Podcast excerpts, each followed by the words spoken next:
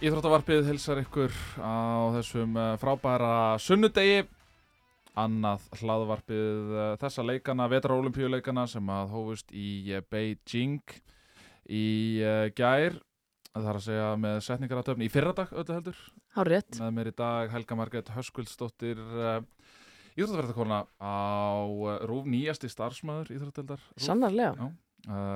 Þú sérð um olimpíukvöldin sem að hefjast á morgun Það er hár rétt. Þú ætlar að vera með mér. Ég ætla að vera með þér, já Ertu ekki spenntur? uh, Jú, ég sko ég á eiginlega ekki að vera að segja frá þessu en þú veist ég er búin að vera alveg óeðlilega spenntur sko. sko, við, um, við erum að tala um að fyrir fyrstu gönguna fyrir, fyrir skiptigönguna hjá konunum í gæðir að þá svaf ég eiginlega ekki neitt Nei, og þú mættir líka í einhvers konar svefgalsa í vinnuna í ger. Já. Ég var bara, þú veist, Þú varst eða frekar óþúandi, það var bara að Já, segjast. já. En ég er samt ánað með spennuna. er, Svona eigum við öll að vera.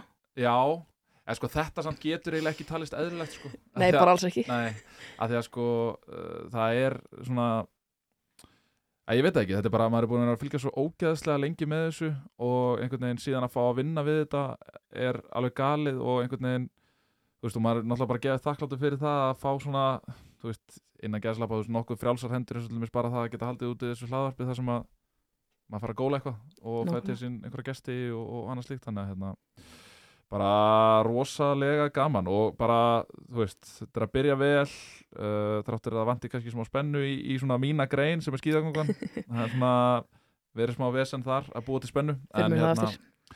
En, já, olimpíukvöldin, þau verða sett á dagskrá, þannig að við plöggum því, þá verður það á dagskrá mánudag til fymta, meðan leikunum stendur. Og uh, ég veit ekki alveg hverja tímasendingin er. Það sé ekki eitthvað svona 1940 eða 20. Bendi fréttir Uh, Eftir fréttir- Kastljós, Fréttir, íþróttir, veður og já, vantala kastljós, Og þá förum við yfir allt það, allt það helsta Já. sem að gerist uh, hvern dag. Fáum að heyra í, í fréttir af Íslendingum og, og fleira.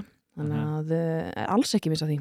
Algjörlega, algjörlega uh, Við erum náttúrulega með okkar fólk úti sem eru svona jæmt og þétt að, endur heimta einhvern búnað og annars líkt Við ætlum að fá að heyra viðtali með, með, meðal annars á eftir við hérna Við Snorra Einarsson sem að uh, var tekið, uh, er ég nokkuð vissum á mikrofón sem að NRK lánaði þeim? Jú, Eh, svo sannarlega. Þetta sif kom inn og ekki hær uh, Og uh, svo hér rétt á eftir þá heyrum við í Sturlasnæði Snorrasinni sem að varð fyrir því óláni að smittast af koronavirunni sem að er ekkert grín á olimpíuleikunum, þeir taka fast á þessu kynverðarnir og, og hann er þá komin í, í einangurinn og við heyrum betur í honum á, á eftir og ég þarf að ringja hann á Snapchat Hvað veist það?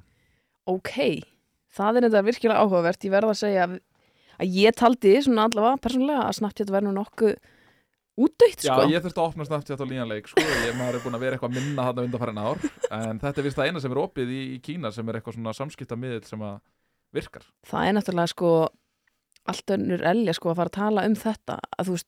að að að það er svo galið að það sé verið að halda stórmót þar sem að bara allir fjölmiðlar heimsins eru samankomnir sem og besta íþróttafólk heimsins og það er einhvern veginn allt svona í þeirra hefðbundnu, hefðbundna lífi, þú veist að því að samfélagsmiðlar og þetta dót er bara orðið svo stór partur af, af öllu sem við gerum, það er bara einhvern veginn því er bara kipt úr sambandi. Já, bara algjörlega og bara það er búið að vera mjög erfitt eins og dæmis bara í gær þegar ég ætlaði að taka símtali við ettu að þá ætlaði hann að ringja á Facebook en þá er það ekki hægt að því að þú veist um leið og ég held að um leið og hún tekur af 4G nettinguna og ætlar að fara í eitthvað Wi-Fi eða eitthvað þá hérna þá dettur það bara út sjálfkrafa og, og hérna þannig að það verður frólægt uh, að heyra útskýringar störtlasnæs á þessu. Uh, við vonum að sjálfsög að hann komi tilbaka en breytir því ekki að fyrsti íslendingun keppi í dag, keppti í dag Snorri Einarsson uh, fættur í Tromsö í Noregi, Norður Noregi mjög norðarlega í Noregi. Uh, byrjaði síðan að keppa fyrir uh, Íslandinga 2016 að með minnir. Keppti áður fyrir uh, landslið Normana uh, hann keppti í dag og náði sko, uh, hann jafnaði í raun og veru besta sæti sem að Íslandingur hefur náð. Það var keppt í 30 km skiptigöngu í skíðagöngu í dag. Og Snorri Einarsson sem að, að býr og æfir á Ísafyrði hann fekk svona ísfiskar aðstæður það var svona, eða allavega íslenskar ég ætla nú ekki að vera að hella vinni mín Ísafyrði með því að kalla þetta ísfiskar aðstæður þeir vilja náttúrulega alltaf meina sé besta veðri þar og, og jú. slíkt uh, en, en, en hann uh, endar þarna í 29. sæti sem að uh, er bara virkilega flottur árangur ég var að fylgjast og var náttúrulega að lýsa þessu uh, var að fylgjast með uh, snorra alla keppnina og það virðist vera sem svo að eitthvað rugglafi verið í tímatökubúnaðinu eða eitthvað því að, því að uh, allt í henni þegar hann kemur í markið að þá sýnir það annan tíma og annað sæti heldur en hann var í þar á endan, hann var búin að vera í 2002, 2001 sæti í, í tímatökunni sem ég er með fyrir frammi live tímatöka sem er bara frá FIS allþjóða, skíðasamöndinu og svo kemur hann í markið og þá er hann hann komin í 2009. sæti uh, 6 mínútum og 40 sekundum eftir uh, Alexander Bolsunov frá rúsnesku ólum, eða rússin Alexander Bolsunov sem að vinnur í dag og þessi árákur hjá Snorra er, er í einu orðið sagt bara frábær í raun og veru.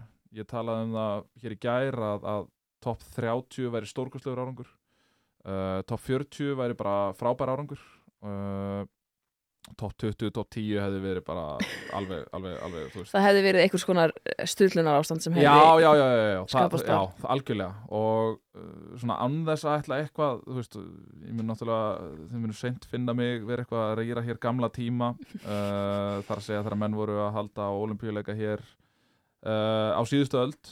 Mm, hann er að jafna árangur Ívar Stefánssonar frá olimpíuleikunum 1952 þegar við sendum fyrst göngumenn Þetta er í Oslo eða Þetta er í Oslo 1922 uh, Ívar Stefánsson kefti þá í 50 km göngu Karla og endaði þar í 29. sæti og það er fyrsta og eina skipti sem við höfum verið með bóðgöngusveit þegar þeir enduði í 11. sæti Gunnar Pétursson, Ebenesi Þórarinsson, Jón Kristarsson og Ívar, Stef Ívar Stefánsson uh, Það eru svona nokkri sem hafa verið nálagt þessum árangri ef svo má segja, Einar Ólafsson uh, 88 uh, í, í Nagano endar uh, 44. í, í, í 50 km göngu uh, Olimpíuleikarnir á Daniel Jakobssoni í, Lillehammer eru að mínu mati svona kannski einhver sterkasta framistæða sem maður hefur séð í heilsinni frá Íslandingi á Olimpíuleikum endar 38. í 30 km göngu uh, endar nummer 55 í 50 km göngu og svo er það þessi, þessi eldi ganga sem að þá fyrirkomulega var í gangi þar endar hann nummer 49 Rökkvaldur Ingvarsson þar með honum úti uh, Kannski til að setja í samingi þetta 2009. sæti hjá Ívari Stefánssoni þá fannst okkur, allavega við leitum hana uppi, eitthvað úrslitin úr þessu þá voru held ég 36 keppendur Mhm. Frá Ja. eitthvað, þú veist, átjón þjóðum með eitthvað og það ræstu hvað 70 með snorra í dag. Og kannski það sem meira er þá byrjar hann náttúrulega 40.4 þarf maður ekki að horfa svolítið í það líka? Jú, það er náttúrulega ekkert spes að byrja aftalega þegar þetta er svona þettur pakki, þetta er náttúrulega hópræsing en, en, en það er sigur, það er ekkert spes að byrja svona aftalega í, í svona hópstarti að þetta er svona mikið kraðak til að byrja með og það er svona mikið, mikið læti og mikið, mikið æsingur í spórinu og uh, þannig að bara, eins og ég segi, þetta er bara ótrúlega flottur árangur hjá, hjá Snorra og vonandi eitthvað sem koma skal í 50 km göngunni hjá honum. þetta var ekki besta, Já, svona hans besta grein eða svona fyrirfram allavega tala hann um 50 Já, km fyrirfram, sem, fyrirfram talaði hann mikið um 50 km og, og, en 30 og, og að því hann er svona nokkuð jafnvígur á, á báðar stílgreinar þar að segja hefðbundna göngu og, frjálsaðferð þannig að Þannig að það er bara uh, mjög svo leifilegt að, að, að láta sér hlakka til uh, þegar að 50 km verður. Það er, það er næst síðasti keppnistæðurinn, er hann að lauga daginn 19. februar 19. februar en ef við, þú veist, eins og ég segi þetta er svona, aðeins svona til þess að setja þetta í samengi að þá er þetta jöfnun á, á sæti uh, það er að segja besta sæti sem Íslingur hefur náð á, á olimpíuleikum uh, það er, þú veist, við getum svo sem haldið áfram eitthvað að telja, þú veist Haukur Sigursson, mikill meistari frá, frá Ólafsfyrði endar 47. 1980 á vetrarolimpíuleikunum í 15 km göngu. Haukur á sínum tíma okkar, okkar lang sterkasti göngumæður. Uh, við erum með Þórald Sveinsson í, í, í 15 km göngu 1964 uh, endar þar nummer 55 uh, Jón Kristjánsson í 30 km göngu 1956 þannig erum við komin nokkuð langt eftir í tíman en það sem má líka ekki vannmenda er að á setni árum hefur náttúrulega orðið talsverð breyting. Uh, það er á búnaði á æfingum á uh, öllum tæknilegum hlutum þar sem að allt verður að vera tipp-topp uh, þetta er allt annað andurúsloft í dag heldur en að var hér á árum áður. Að ég, held að, ég held að það sé ekkert ég held að, þú veist, og ég held að, ég held að það sé engin ósangirni innifælni því að, að tala um það að, að aðstæður eru svolítið breyttar allavega en, en enga síður, þá er þetta jöfnun, það er að segja 2009. sæti en, en, en ég hugsa að það sé alveg óhætt að fullir að það að, að þetta sé svona kannski sterkasti árangur Íslandings á, á, á vetarálupíleikum Staðfest, slegið, skjálfest Já. eh, af Gunnari Bryggjisinni uh, Þau eru ekki að leita lengra Mér Annars, finnst, já, mér ætlaði að bæta við bara því Já. ég tók hérna tók viðtal við snorra að áruna fór út Mhm. og þá kom hann inn á reyndar ekki viðtalinu, heldur eftir viðtal eins og vill oft gerast þegar maður til ræði við fólk þá kem- koma allir púntanir eftir á en þá var hann að segja að, að hérna, hann er svo stoltur af því að vera að æfa núna á Ísafyrðu og af því hann, hann er að segja, þú veist núna er öll hérna, hinn fjögur sem er í þessum íslenska hóp, þau eru búa erlendis og eru Já. bara erlendis að æfa Já. og hann vil svolítið bara svona ég henda þessari mýtu, þessari, þessari líi eins og hann orða þetta sjálfur, að það væri ekki hægt að, að æfa á heimsklassa leveli hérna heima og þannig að það er svona, þess vegna finnst mér þetta svona sérstaklega skemmtilegt líka Mhm. bara þessi árangur í því ljósi, því ljósi og kannski líka hægt að bæta við hvernig hann gekk fyrir fjórum árum mhm, þá kláraði hann hvað 53. í, Mhm. í þessari sömu göngu mhm. þannig að 53. upp í 2009 það er þetta reikna það reiknistami Já, algjörlega, uh, mikla bætingar og, og alveg rétt sem þú segir að hann hefur kannski svona skipta eins fókuslega séð á, á, á æfingar vegna þess að hann er náttúrulega bara að æfa við allt aðra aðstæður heldur en að ná að venjast í, í Nóri þar sem að þú nánast getur labbað út heim eða eru spennt á því skíðin sko. Mhm. uh, Alexander Bolsunov frá, frá keppandi fyrir höndur rúsnesku olimpíunöndarinn að vinna þessa grein og undan Dennis Bitsov frá, frá Rúslandi sem við leiðis einni mínút og 11 sekundum á undan Dennis Bitsov Alexander Bolsunov uh, er alveg klárlega eitt sá besti, ef ekki sá besti í heiminum í dag. Og það er aftur komið að því að hann er svona frekar jafnvígur á, á báðar báðar greinar, það er að segja hefðbundna og frjálsahlutan en þetta er stærsta þetta er stærsti munur á fyrsta og öðru sæti sem við höfum séð í þessari grein á stórmóti. Það er svoleiðis. uh, á stórmóti yfir höfuð? Já, uh, átta sekundur var það fyrir þetta Já, þetta var einmitt, ég las einhverjar fyrirsagnir á, í útlandi það sem bara stunts commentators og bara eitthvað, Mhm. það var allir í sjokki yfir þessu. Hann var bara að byrja að fagna þegar að Já, já, það það var ekki sem búið. Já, já, það var kílómetri eftir þá var hann eitthvað að gefa fimmur þarna til og eitthvað.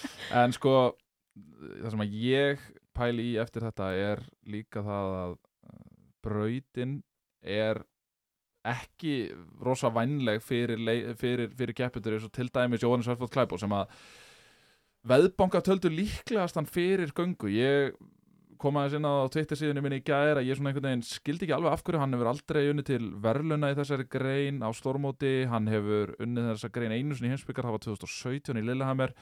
Það var sko brautin rosalega erfið og, og það er auðvelt fyrir þá sem að eru í þessu toppstandi eins og Alexander Bolsunov að slíta sig frá. Einmitt.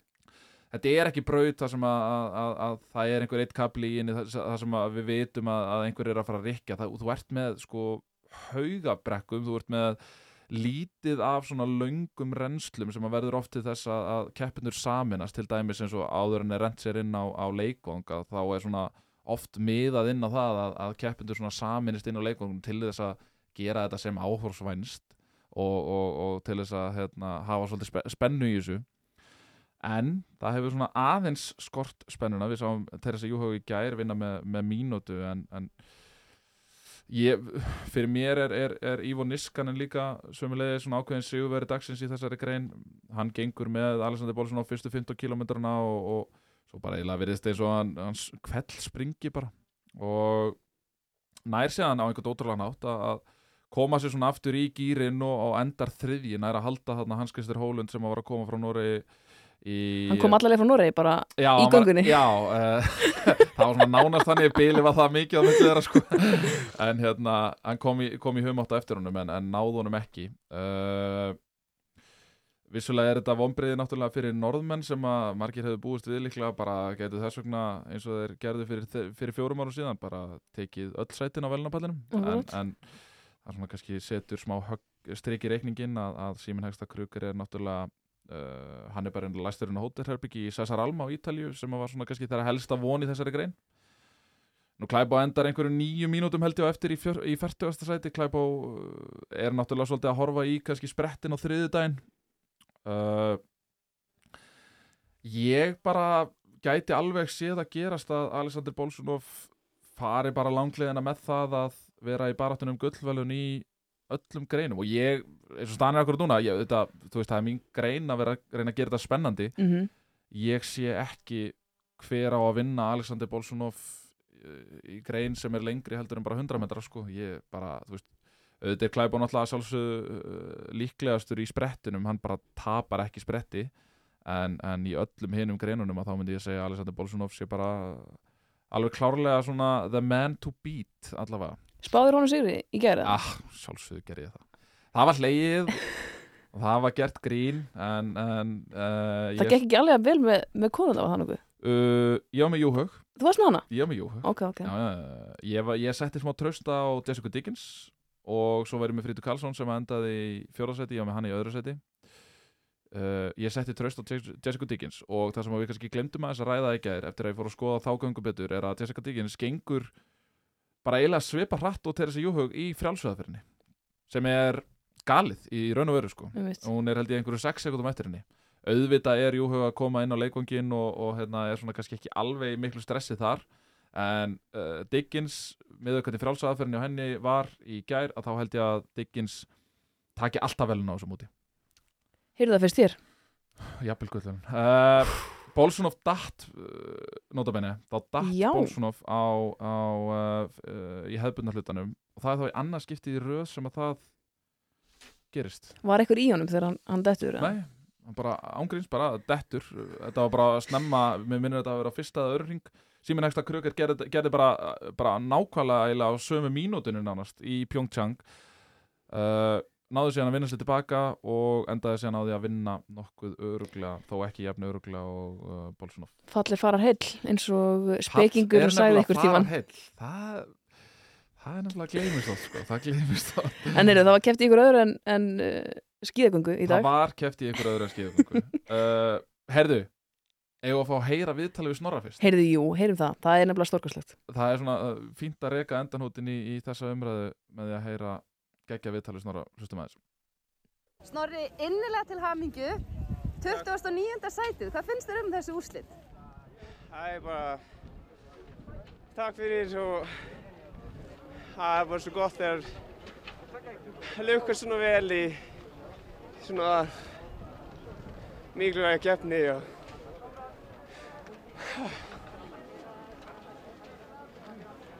Þetta er engin smá árangur. Nei, það er búin að vera svolítið mikið stress á síðasta dagarnir og Hvar myndur þú setja þennan árangur bara á þínum ferli? Er þetta besta? Nei, það er auðvitað aðeins en akkurat núna segir mér alveg sama hvernig þegar fyrsta tíunda sætið er bara svo gott að gera svona vel og því maður er með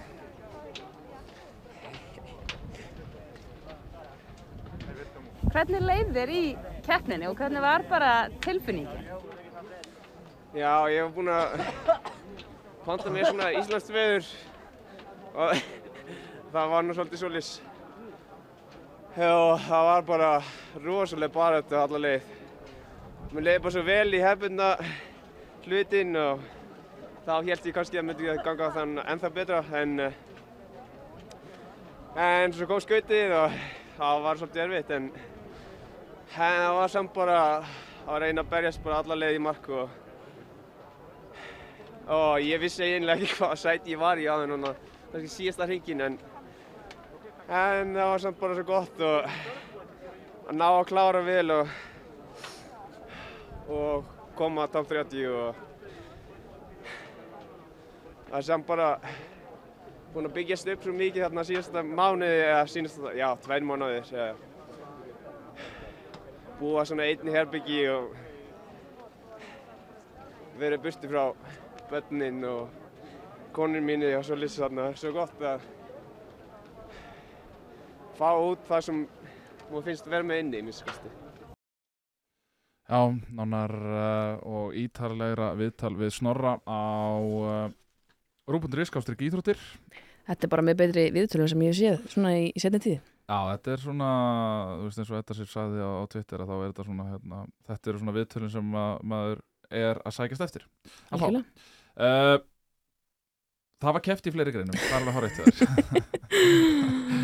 uh, Ef að byrja á snjóbrettunum til dæmis. Heyrðu, já, það var reyndar ótrúlega, það var, það var söguleg stund í snjóbröðunum uh, brekku fiminni eins og við viljum kalla þetta uh, það kefti brekku fimi hvenna slopestyle heitir þetta á ennsku fyrir þá sem er ekki með íslensku þýðingarnar á hreinu. Við þýttum það í brekkufemi. um brekku fimi, hvað mennur, þetta er Já, já, það er mjög lýsandi myndi ég segja.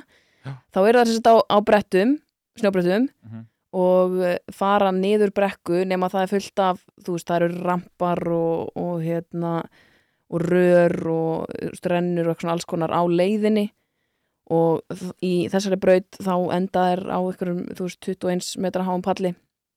Og það er að gera gera trikk æfingar.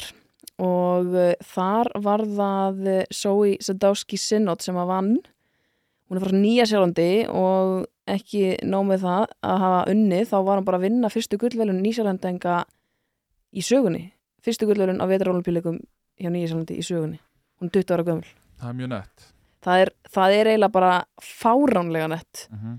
sko, hún er 20 ára, fættir endar í Ástralíu uh, flutti til Wanaka á Nýja Sjálandi sem er einhver svona smábær á söður, miðri söður eigu Nýja Sjálands Mm -hmm. og uh, ég er endar, mér síndist nú Google Maps að það verður nokkur fjöll og svona eitthvað í kring þannig að sennilega hérna er hægt að sækjast í snjó án þess að ég þekki nú veðráttu já, Nýja já, já, mikið það sko. er hægt. Við, við höfum átt skíðamenn sem hafa verið að fara að keppa á Nýjasjálandi Já, í Alpagrænum. Sko. einmitt, Þannig að, já, já, það er hægt. hann er til þar Mhm. Já, já, um, hún kefti sko á olimpíuleikunum fyrir fjórum árum Mhm. Pyeongchang, þá var hún 16 ára gömul þá fekk hún brons í Big Air sem við höfum þýtt sem snjóbretta æfingar á stórum palli, þetta er þetta sem að kefta á X Games eða X leikunum og Heitlandi þýðingar. þetta eru stórkostlegar þýðingar ef þið eru með betri þýðingar, endilega senda Já, algjörlega. bara komið með það en þá sem sagt náni brons og það voru önnur velun Nýjasjálands ever á olimpíuleikum eða sérst vetar olimpíuleikum og þú veist, þá hefðu liðið einhver hérna, fyrstu velun kom 92 Mhm. það var einhver svega skvís og hún var sko, hún var svo yngsta frá Nýjasjálandi til þess að vinna olimpíuvelun, hvort sem eru sumar eða vetar olimpíuleikum Mhm. á þessum tímapunkti e, fyrir það var Daniel Lóter sundmaður, hafði hann fengið sérst verðlun á sumarolmpíuleikunum 92 Mhm. en hún átti sérst þetta met bara í eitthvað nokkra klukkutíma af því að e, Nico Porteus sem er skíðafeimikappi keppir í freestyle sem við köllum hann sagt fekk bronsvelun í skíðafeimi bara, hana, bara í næstu grein og eftir eða eitthvað. Uh, en hún er sem sagt bara tvisunum árið heimsmeistari í þessari grein slopestyle, brekkufimini uh, orðið öðru sæti á silfuvelun úr hérna, bygger líka fjóra sigra á x-leikonum bæði í slopestyle og, og bygger og svo vann hún báðar þessar greinar núna á, Já. þannig að hún var alveg svona sigurstangslegust fyrir Mhm. og ég horfði á, á þessi, þessar umferðir hjá henni og þetta er fáránlega nett Mhm. og það var svo skemmtilegt að sjá að svo þegar hún hérna lendir síðasta stökki þá bara hrúaðast það á hana bara hérna stelpunar sem voru fyrir hennar síðustu umferð sem að voru í, í fyrsta og, og þriða sæti hérna Julia Mariano frá Bandaríkunum og Tess Cody frá Ástralíu það er Mhm. bara hrúast þarna, þú veist það er svo mikil, svo mikil andi Mhm. sem ég dyrka svo mikið En sko nú gæti það verið að ég sé að lifa hér í einhverju bergmálshelli en, nei, kannski ekki bergmálshelli, heldur bara einhvern veginn að því að maður ofta að í svona narratífinu Mhm. að uh, nú fær maður á, á til dæmis eins og Twitter og annað og Facebook og einhverju svona samfélagsmiðlum Instagram og eitthvað svona mm -hmm. að þá er eiginlega mér finnst eiginlega mest vera samt talað um Giulio Marino eftir þessa keppni þó að þetta er náttúrulega eins og nefnir að það var að- afreikið hjá náttúrulega magnað uh, eða Sadowski Sinnótt eins, og- Mhm. eins og hún heitir uh, en maður sá að, að til dæmis bara eins og þú veist leiða þessi stærstu fréttamiðlar í bandaríkjunum eru farin að peka það upp Mhm. að þeir voru að fá silvumedalju að þá eru þeir bara svo fljótir að koma því einhvern veginn út í út í kosmosið sko Já, nákvæmlega. Sko, það munaði þannig að Sadowski fekk, Sadowski sinna fekk 92,88 steg fyrir, þetta er þess að þrjár umferðir og þú, það er besta einhverjum sem gildir og hún fekk 92,88 steg í síðustu umferðinni sem var hennar besta uh, Marino fekk 87,68 í sinni bestu ferð Mhm. og uh, Cody sem var í þriðasættinu fekk 84,15 Mhm. þannig að nú er ekki alveg með á hreinu sko stegagjöfuna í, í þessum snjóbröttum þetta eru fimm steg sem munar hann ég veit ekki hvar þau koma inn en þetta er þú veist að verða að taka inn hversu erfið eru, eru þessar æfingar sem er að gera hversu vel er að gera þar Mhm. og svo er sko 40% af einhvernig er bara hvernig ferðin í heild sinni var og þá er vantilega verið að horfa til þess hversu vel þetta flæðir og, og eitthvað svoleiðis. Akkurat. En mér finnst það skemmtilegt af því að þetta myndi mér svolítið á sko af því að nú eru að keppa hjólabrett með fyrsta skipti olimpíuleikunum í sumar. Já. og þar var þetta sama svona það er alls miklu vinir Já, já Eða ég, veist, ég, ég, svo- ég það skil alveg ert svona- að fara sko, það, Já, það er ekki svona kannski þessi það ríkir ekki beint einhver fjandskapur Nei. Það eru bara allar geðugt ánaðar þegar hún lendi bara eitthvað fáranlega erfitt stökkan í lókin En heldur að það séu ánaðar ánaðar eða heldur að þetta Ég sé veit það ekki leikþátt Það mynda á þeim, myndavel á þeim skilur það, Mhm. þú, en svo er það líka með skíðagreimur og eitthvað, maður sé nú ekki alveg maður sér bara rétt svo eitthvað í augun á þeim sko. Mhm, mhm. en auðvitað eru það eru glánar það eru vantanlega, það eru allar alltaf að keppa saman á þessum x-leikum og, og hinsbyggamótum og eitthvað þannig að þetta eru vantanlega miklar vinkonur sko. Mhm. þannig að jú, eigum við ekki að segja að sé nú, sé hún ánæður Já, og sérstaklega þegar einhver er að, að hérna er að setja marksitt svona á söguna og sko ekki nómið það að þetta sé fyrsta gulliðar á vetránupíleikum þá er þjóðháttíðadagur Nýjasjálands í dag já það er svo 7. februar 7. februar er Waitangi Day sem er eh, hérna, nafnir á samningnum sem að sjálfstæðis samningnum held ég. Ok, það er enda geðveikt. Pælt í því, Já, pælt í að vera bara eitthvað að sækja fyrsta gull á vetránupíleikunum Já. á þjóðháttíðadagur Nýjasjálands ég veit endur ekki hvort að hann er ennþá í gangi í dag. Hvernig hvernig, uh, uh, en jú, sennilega. Það er frábær spurning. Hérna, Við erum ekki að pæla í tímaveismunum. Hérna En já, þe- þetta var svona það helsta úr, úr snjóbrettunum. Við ætluðum nú að vera að ræða hér í, í þessu hlaðvarpi, þá ætlaði ég nú að fá til minn uh, Jakob Helga og fá hann til þess að ræða við mig um brunið sem að hefði átt að fara á stað í gær, brunkarla, mm -hmm. uh, eða nótt. eða nótt öll heldur, en uh, það er líkt og áður á þessu vetrólupíleikum uh, veður aðstæður sem er að hafa áhrif á, á keppendur og, og keppnir og við munum vantilega að fá að sjá meira af því. Sem betur fyrir þá, þá fengum við nú að klára skíðastökkið áðan. Þar sem að hérna uh, þar sem að hann vann Kobayasu uh, frá Japan. frá Japan. Uh, ég var nú samt eiginlega aðalega bara ánægðastu með að Simon Amman var mættur þarna. hann er, hann er búin að vera lengi minn maður í skíðastökkinu. Ég er endar miklu meirinn large hill maður heldur en normal hill. Einmitt, uh, þannig að hérna stór, þú vilt, þú vilt, venju, þú vilt stóru já, vil stóru, brekkuna, stóru ekki- já, ekki já, já, litlu. ég vil ekki sjá þessa, þessa venjulegu. Já, venjulegu, það eru ekki litlar Nei, það er taka ekki, fram. Ég vil ekki sjá þessa venjulegu. Þannig að ég stilli eiginlega bara inn þegar að hérna, þegar, stór, stóri bakkin er í nótkun uh, Simon Amman mm var að vinna vann bæði á venjulegum og stórum stökkpalli í Salt Lake City árið 2002 já, eru fyrir 20 20 ára síðan hann er færtugur sko sko það þarf náttúrulega að tala um þessar vetraríþjóttu margar sko bara hvernig fólk fer út í þetta rugl sem þar eru margar hverjar mm -hmm. og eiginlega bara allar, mér finnst eiginlega Mhm. næstu allar íþróttir á vetrarónipíuleikum vera styrlaðar og ég skil ekki hvernig fólk framkvæða þær það er helst krullan sem ég er eitthvað ok, ég, ég held ekki að þetta er mögulega gert þetta en á sama tíma þarftu samt að vera að renna þær í eitthvað skona svona djúbri nýpi sem að getur ekki verið þægilegt. Nei, ég er alveg saman því. Ég, ég, við, Já, við þurfum að prófa krullu. Ég er bara Við þurfum að 100% prófa krullu. Það, Ég þarf að fá eitthvað til þess að ef einhver er að hlusta þá má hann nefnilega bjóða okkur í krullu. Hérna Please. uh, Heyrðu, það var líka sögulegt, svo við höldum áfram í sögunum.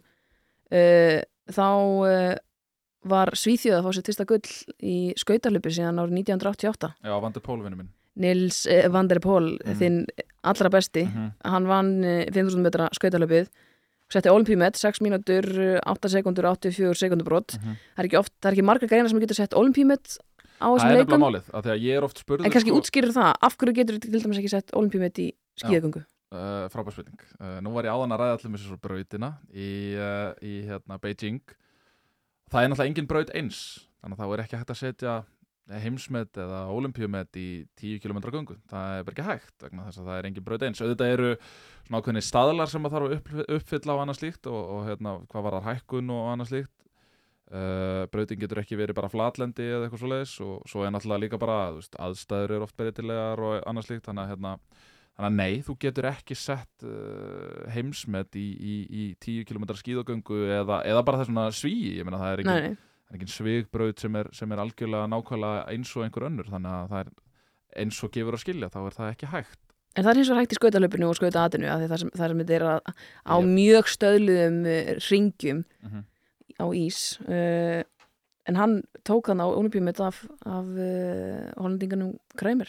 Já, Sven Kramer sem að, já, ég er mikill Sven Kramer maður líka. Hérna, en, en það er náttúrulega líka veist, alveg verðt að ræða að þetta eru náttúrulega fyrstu í raun og veru verðlaunin sem við erum að sjá í skíða íþróttunum og bara í, í, í öllum íþróttum sem að, sem að nótfærast við snjó að það náttúrulega er það er engin snjóðarna sem er ekki búin til af mannana völdum sko. Það er svoleiðis það er bara 100% tilbú, tilbúin snjór Í öllu? Í öllu. Líka skíða sköngunni sem á Eh, það er bara ekki snjóðarna það er bara ekki En af hverju er það svona kallt? Það, ég meina það getur alveg verið kallt á þess að snjói. En, Afhjópa hér uh, vanþekkingu mínu Já, á kínversku loftslægi en, já, já, en svo til, það er náttúrulega en þú, það er þau eru komin upp í ykkur fjöll Það er Já, það er bara ofkallt einmitt, það kemur bara ekkert.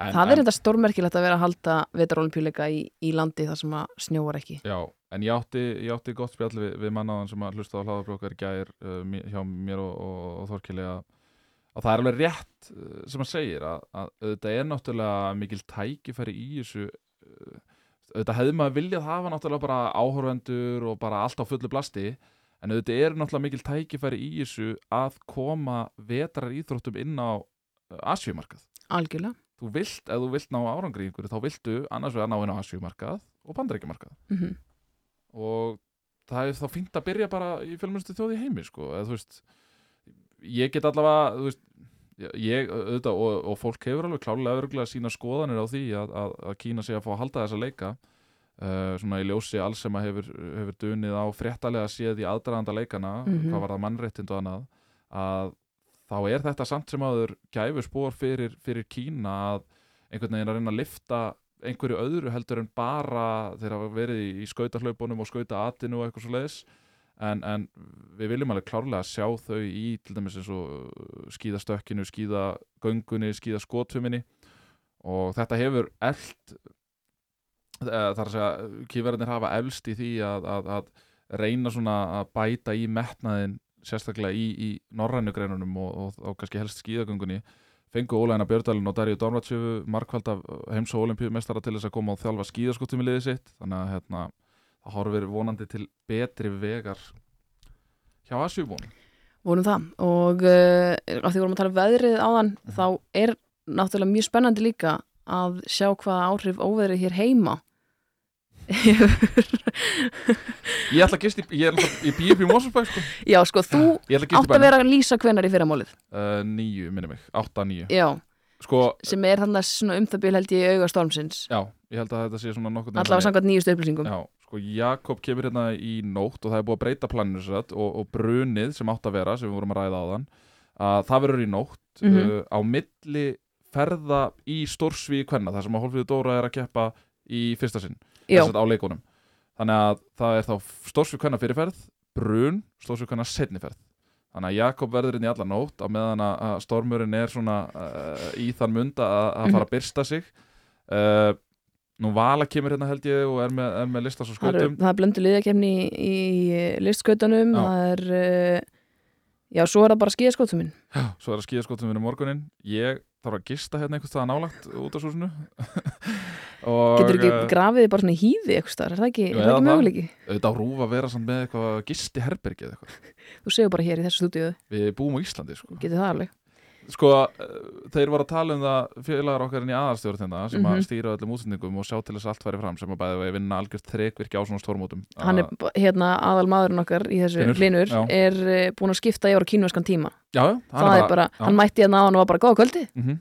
Það er veist, Ég held að fólk átti Nei, ekki á til dæmis eins og mikilvægi þess að hafa starfsmenn eins og hlind Mhm. uh, á meðan að svona mótir í gangi og til dæmis bara svo í Tókjó hann er með allt á hreinu 100% og hann er svona gæi sem að maður getur alltaf leita til að það er eitthvað vesen með eitthvað í tengslu við útsendingu eða eitthvað svo leiðis og svo náttúrulega hjálpaði honum allir í, í aðarstjórn Valli og Óli og fleiri. Uh, uh, Hann var að tala við mig að svona helsta hættan í kvöld og nótt væri að gerfinnattadiskarnir gætu kannski tekist á flug. Já, þannig að er íbúar, ekkert- þá er íbúar í grændu estaleiti þið varðu ykkur á þessu þá ef ferði þið í nótt. finnið gerfinnattadisk í guðanabænum skilið honum Herðu. er bilað að búa á þessu landi. Það er svo það er. Uh, við skulum Hérna- heyra aðeins Já, við ætlum að heyra, heyri, heyrum í styrla áður en að, áður en að við förum yfir dagskrá morgundagsins. Ringjum í stölla Já og uh, á línunni hjá okkur er uh, Sturla Snæði Snorrason uh, sem að greindist því miður smitaður í gær af koronavirunni Sturla, hvernig er heilsan? Heilsan er svona, já, bábori núna, hefur verið núna síðast einn sólarík sem eingerist það bara hausverk og beinverkjum og ykkur svona óþægendum. Uh, við vorum að fá niðurstöður úr testi sem ég var í morgun, það er, það er á réttri átt, það er sagt minna að mælast í mér heldur en í gæri allavega, þannig að já, við sjáum bara til hvað, hérna, hvernig næstu dag að vera. Er þá verið að horfa í þessi CT-gildi eins og við, og við heyrðum mikið nefnt til dæmis bara að Europamótin í handbólta? Já, einmitt það sko. Hvernig, hérna, hvernig eru reglurnar bara, ef þú, ef þú ferða eins með, með, okkur í gegnum það, hvernig eru reglurnar bara fyrir það að þú fáir yfir höfuð að bæðið bara að koma aftur inn í, í Olimpíuþorpið og, og fáir að keppa? Já, reglurnar eru, ég hef nú ekki náða að lesa þær allar því að þeir lega mér ekki að fara mikið á neti hérna í þessum COVID-spítala hérna og eh, en það eru skils með þannig að ef að þú ert jákvæður þá færðu að vera inn í þorpi í svona sérstöku einogrunar herbyggi Mm. er þú ert enginn á laus. En e, svo síðan þegar þú fær enginni þá ertu fluttur strax á svona COVID-spítala Og ert þú sem, að ég var fluttur í í dag. Já, þú ert þar, hvernig eru aðstæður þar? Eh, ég get nú ekki sagt að þetta sé uppáðans herbyggi sem ég var í en þetta er bara svona spítala herbyggi með styrtu og klósetti og og ekkert meira sko. En, en bara eins og hvernig, hvernig er hugsað um ykkur þarna, ég gerir nú ráð fyrir að séu einhverju fleiri keppundur þarna, ég sé mikið rætt og reytaði í fjölmiðlum Erlendis til dæmis að, að, að þarna séu svona, já þarna mætti vera betri aðstæða fyrir, fyrir keppundur og þetta háklassa íþróttafólk sem er að því miður að, að, að síkjast eins og þú, hvernig eru svona, hvernig eru handtökin í kringum ykkur, hvernig verða að hugsa um ykkur þarna? Já, það er hugsað ákveðlega um okkur sko. Það er hérna, okkur er aðfætt mat, matur og, og svona hérna, eitthvað svona nöðsynavörur og, og síðan kemur, kemur hérna læknir og tala við mann. Það var komið tvisar og tala við mig frá ég kom inn og síðan kemur annar læknir í fyrramáli þannig að það er alltaf verið að tjekka á manni. Þannig að það er svo sem alveg hugsað um mann en að þessi gámur sem ég er í er, já, eins og ég segi, ekkit að flottasta en ekki það, það skiptir ykkur um máli eh, þannig sé, sko. Það er bara, bara svo lengi sem að hérna, batna sér fyrst. Þú átt keppnir hvað, 13. og 16. sá ég rétt? Já, 13. og 16. Hvernig sérðu það fyrir Þetta þér, viku. hvernig sérðu það fyrir þér varandi, uh, bara verður, við- er, er, er það yfir höfu möguleiki við byrjum þar? Já, já, það á nú að vera möguleiki, sko, með að við þessar COVID-tölu sem að ég fekk úr, úr hérna, testin í morgun. En hérna, að maður að vera á raunsær, þá held ég að fyrri greinin sé á svona tæpasta vaði, sko. Upp að það bara fá fullan styrk aftur og já, náttúrulega í fyrsta lagi að komast út úr þessari einagrun. En uh, ég hugsa að setni greinu verði alveg möguleiki en við bara sjáum hvað, hvernig þetta fyrir næstu daga. Uh, fyrir greinina þá svíið eða hvað? Stór, stórsvíið? Já, stóðsvið er fyrra, fyrir greinin, það er eftir viku og ég, eh, eins og mér er sagt, þá verð ég hér í ykkur nokkra daga í viðbútt og, og síðan verð ég fluttur í þorpi þegar ég er komið nokkra neikvæðar niðurstöður í röð og, og þá koma eitthvað svona sóttvarnar æfingar, eitthvað svo leiðis, eitthvað svona spesstæmi sem að ég er ekki alveg komin inn í. Þannig að, já, við bara vonum það besta allavega. Ég meina þetta lítur að hafa verið samt, þú veist, ég, ég, Ég nú ekki að vera að ræða endalaust þetta er náttúrulega að setja mikið strik í reikningin hjá þér. Eh, Ég væri svona miklu freka til að vera að ræða við þig árangur í, í keppnum og annað slíkt, en, en bara þannig að við klárum allt þetta dæmi. Ég meina, þetta hlýtur að vera gríðalegt svekkelsi fyrir þig að hafa hort á þessa leika núna í, í fjögur ár, uh, allur þinn undibúningur miðast við þetta, þekkjum það, hversu ofbóðslega erfitt það er að vera einstaklings íþróttamæður frá Íslandi og talnúkjum uh, í skíðagrinum. Það hlýtur að hafa verið rosalegt svekkelsi að lenda í þessu í gær. Já, já, ég ætla nú ekki að ljúa því að ég var helviti pyrraður þegar ég heyrði niðurstöðunar í gæðis og hérna, já, ég pyrraði mig á því ykkur klukkutíma því að það maður bara handa með niðurnu og takast á þessu eins og hverju eru verkefni, sko. En jú, þetta er þetta sve, helviti svekkjandi að smittast núna akkurat á þessum tíma. og kannski ekstra svekkjandi að vera búin að, vera búin að ferðast yfir, yfir hálfan hnötti eða bara eða yfir allan hnöttin bara Já, það verður ekkert gaman að fara yfir hálfa hnötti bara til að liggja inn í einogrun á húsi, sko. Lýðið nú ekki. uh, hvernig er í, í kringu þig það hefur vendilega ekkert komin eitt meira var eitthvað, var eitthvað samneiti á, á milli ykkar nú er til dæmis Hólpfríður Dóra að fara að keppa í dag ég meina það er allt í, það er í góðu þar eða ekki Hvað segir þú? Það er svona aðeins út. Já, ég var bara að tala um að það hefur ekkert verið neitt samneiti ykkar á milli sem að, það er að segja alpakarina liðsin sem hefur róðið til þess að, að einhverju fleiri hafi þurft að fara í einangrun. Já, það, ég, ég spurði hérna fyrir, það er nú eins og er, eru við bara tveir íþróttamenn hérna inn á þessum spítala, sko. Það er Já, svo þeim er sagt allavega. ok. Og, en maður fer þess að bara inn á þessum spítala eru verið með enginni, sko. En síðan eru sennilega einhverju fleiri sem eru þá inn í þessu þorpi sem eru enginn að lausi, sko. En, en, Þannig að, en hvernig er með eins og bara, þú veist, svona, hvernig er annars aðbúnaðurinn þarna í, í uh, Kína? Ég meina, þú hefur aðra leika til, til samanburðar. Uh, við erum til dæmis að taka þetta spjall upp á Snapchat sem ég ætla að fullir það sé í fyrsta sinn í, í uh, bara íslensku fjölmiðla sögu sem að, sem að viðtalið tekið upp á, á Snapchat uh, Lappaðis með okkur í gegnum það, veist, bara til dæmis það, af hverju erum við að taka þetta á Snapchat? já, það er þetta mjög steikt, það verður að segja svo er. En hérna, já, ég, frá, frá því að hérna, ég fór úr þorpinu, þá hérna, var með hend upp í sjúkrabíl og hann fór með blikkandi blá alveg niður til Peking, alveg á setna hundraðinu. Og síðan kom ég hérna inn í, inn í þessa hérna gáma hérna, COVID, COVID-spítalan. Og hérna, ég, ég hérna fekk internet hjá þeim og svona eitthvað og og fullt af fólki búin að senda mér eitthvað á Instagram og svona eitthvað og ætlaði að fara að svara því og það virkaði ekki neitt og síðan kallaði ég á hjúkuna og spurði, er interneti virkar ekki?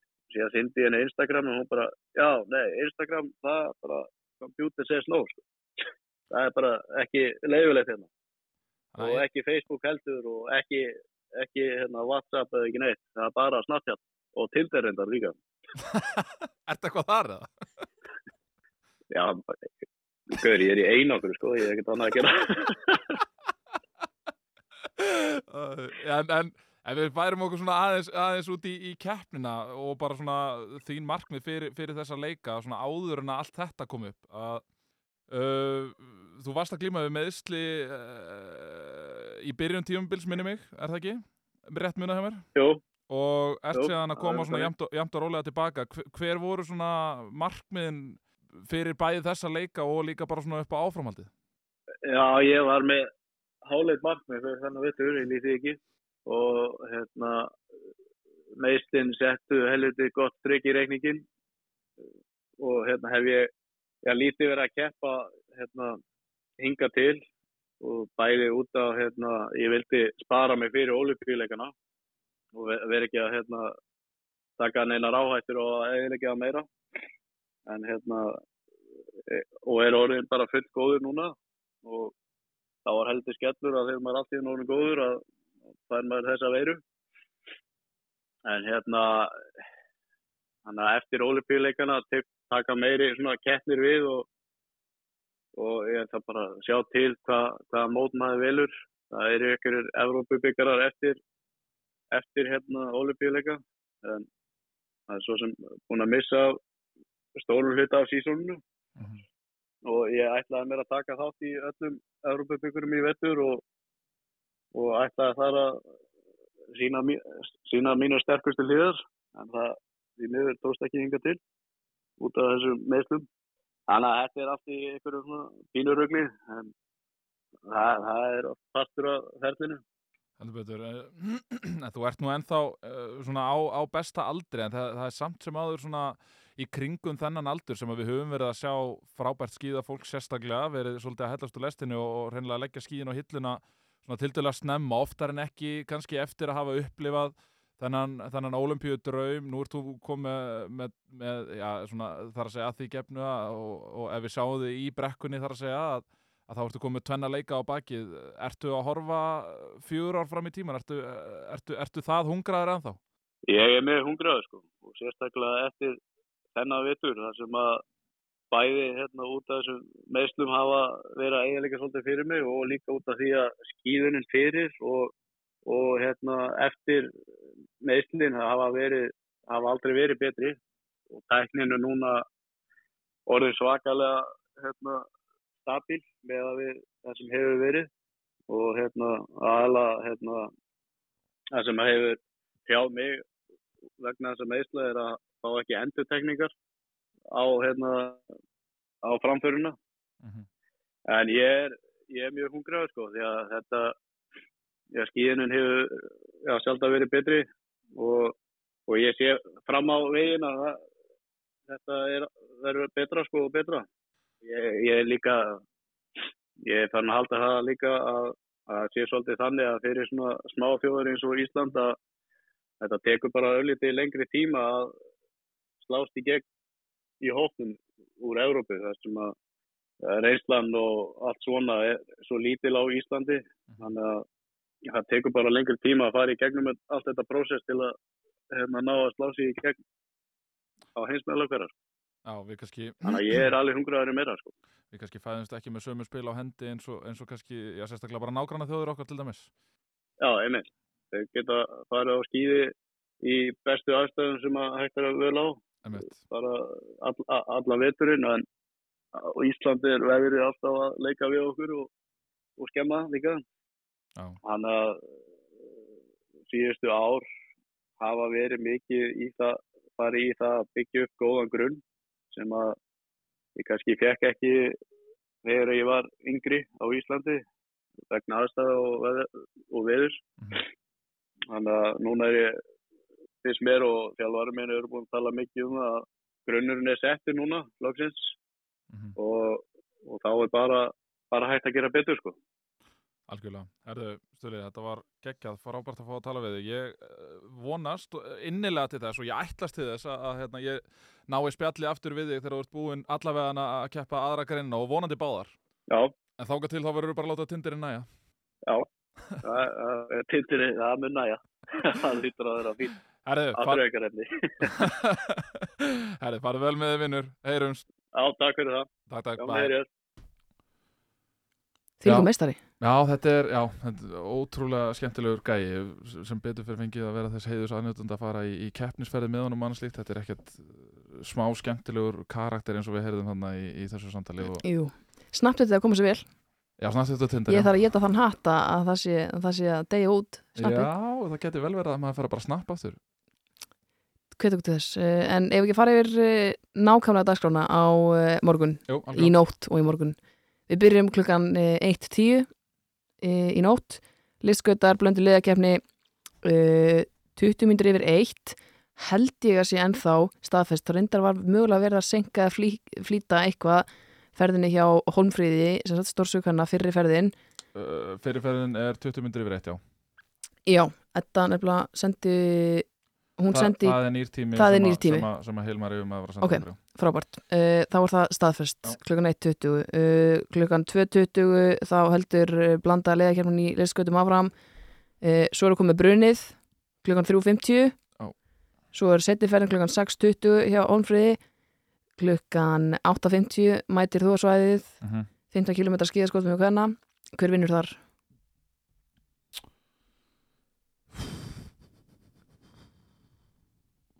Uh, Svar, ég vil, vil fá svar Gunnar. Ég held að uh, Öberg uh, frá Svíþjóð vinni.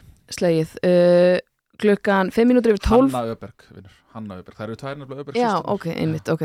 Uh, 12 mínútur, 5 mínútur yfir 12 á hádegi er komið að skauta atinu. Þetta er uppáld margra, skauta atið uh, Já. og skauta hlaupið yfir höfuð þannig Einar er mjög peppaður yfir þessu. Ég veit að hann er mjög peppar uh, og svo klukkan 1 er Ísokki Kvenna. Það er viðrögn Sviss og Finnlands klukkan 20.05 annað kvöld. Er það olimpíukvöldi þar sem við förum yfir allt það helsta? Held ég, við sláum botnin í Íþróttavarpið þennan daginn.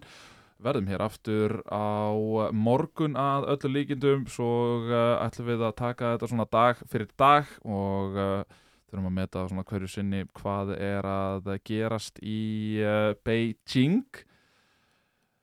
Kannski daglega kannski þegar, það eru svona rólegi dagar að þá kannski sleppum við einu en það, það mun allt saman koma í ljós þegar að nær dregur en, en það er allavega frábært að leikarnir eru komin í gang. Frábæri leikar til að byrja með en uh, Gunnar Byrgjusson og Helga Margrét Hörskullsdóttir þakka kærlega fyrir sig. Í bíli, verið sæl. Verðið sæl